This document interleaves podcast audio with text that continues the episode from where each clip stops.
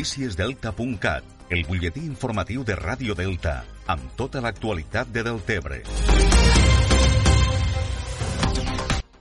La campanya de la sega de l'arròs al Delta de l'Ebre es retardarà enguany fins més enllà de l'11 de setembre, després que a la primavera els pagesos haguessin de sembrar entre 3 i 4 setmanes més tard de l'habitual a causa de les pluges abundants de la primavera. Tot apunta que a partir del 14 de setembre es podrien començar a segar els primers camps d'arròs bomba, la varietat més primerenca, però el gruix de la recol·lecció s'allargarà fins ben entrat el mes d'octubre.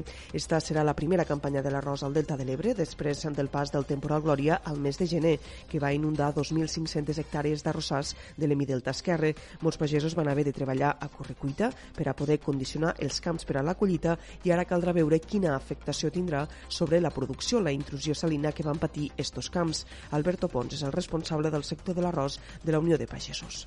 Tenim un precedent que l'any que vam posar el 2014, quan vam omplir d'aigua salada per a la lluita del Poma, que vam tindre una disminució d'un 30% de collita. Per tant, és una mica aviat per a, per a veure però esperem que les conseqüències de l'aigua salada eh, se notin. Més enllà de les zones més afectades pel Glòria, tot apunta que enguany tornarà a repetir-se una campanya molt bona en quant a producció i per tercer any consecutiu es podria superar els 130 milions de quilos a tot el delta de l'Ebre més qüestions, el conseller de Territori i Sostenibilitat, Damià Calvet, va tornar a demanar divendres col·laboració a administracions públiques i entitats privades per protegir el Delta de l'Ebre amb la màxima eficàcia.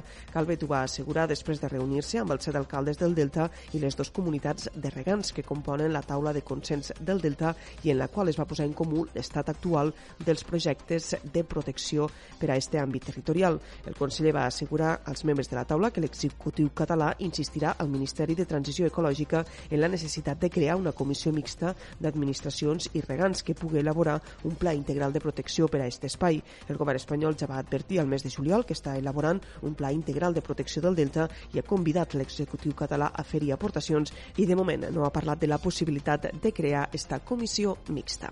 Això és tot per ara. Ja saben que poden continuar informats, com sempre, a través del portal deltacat.cat.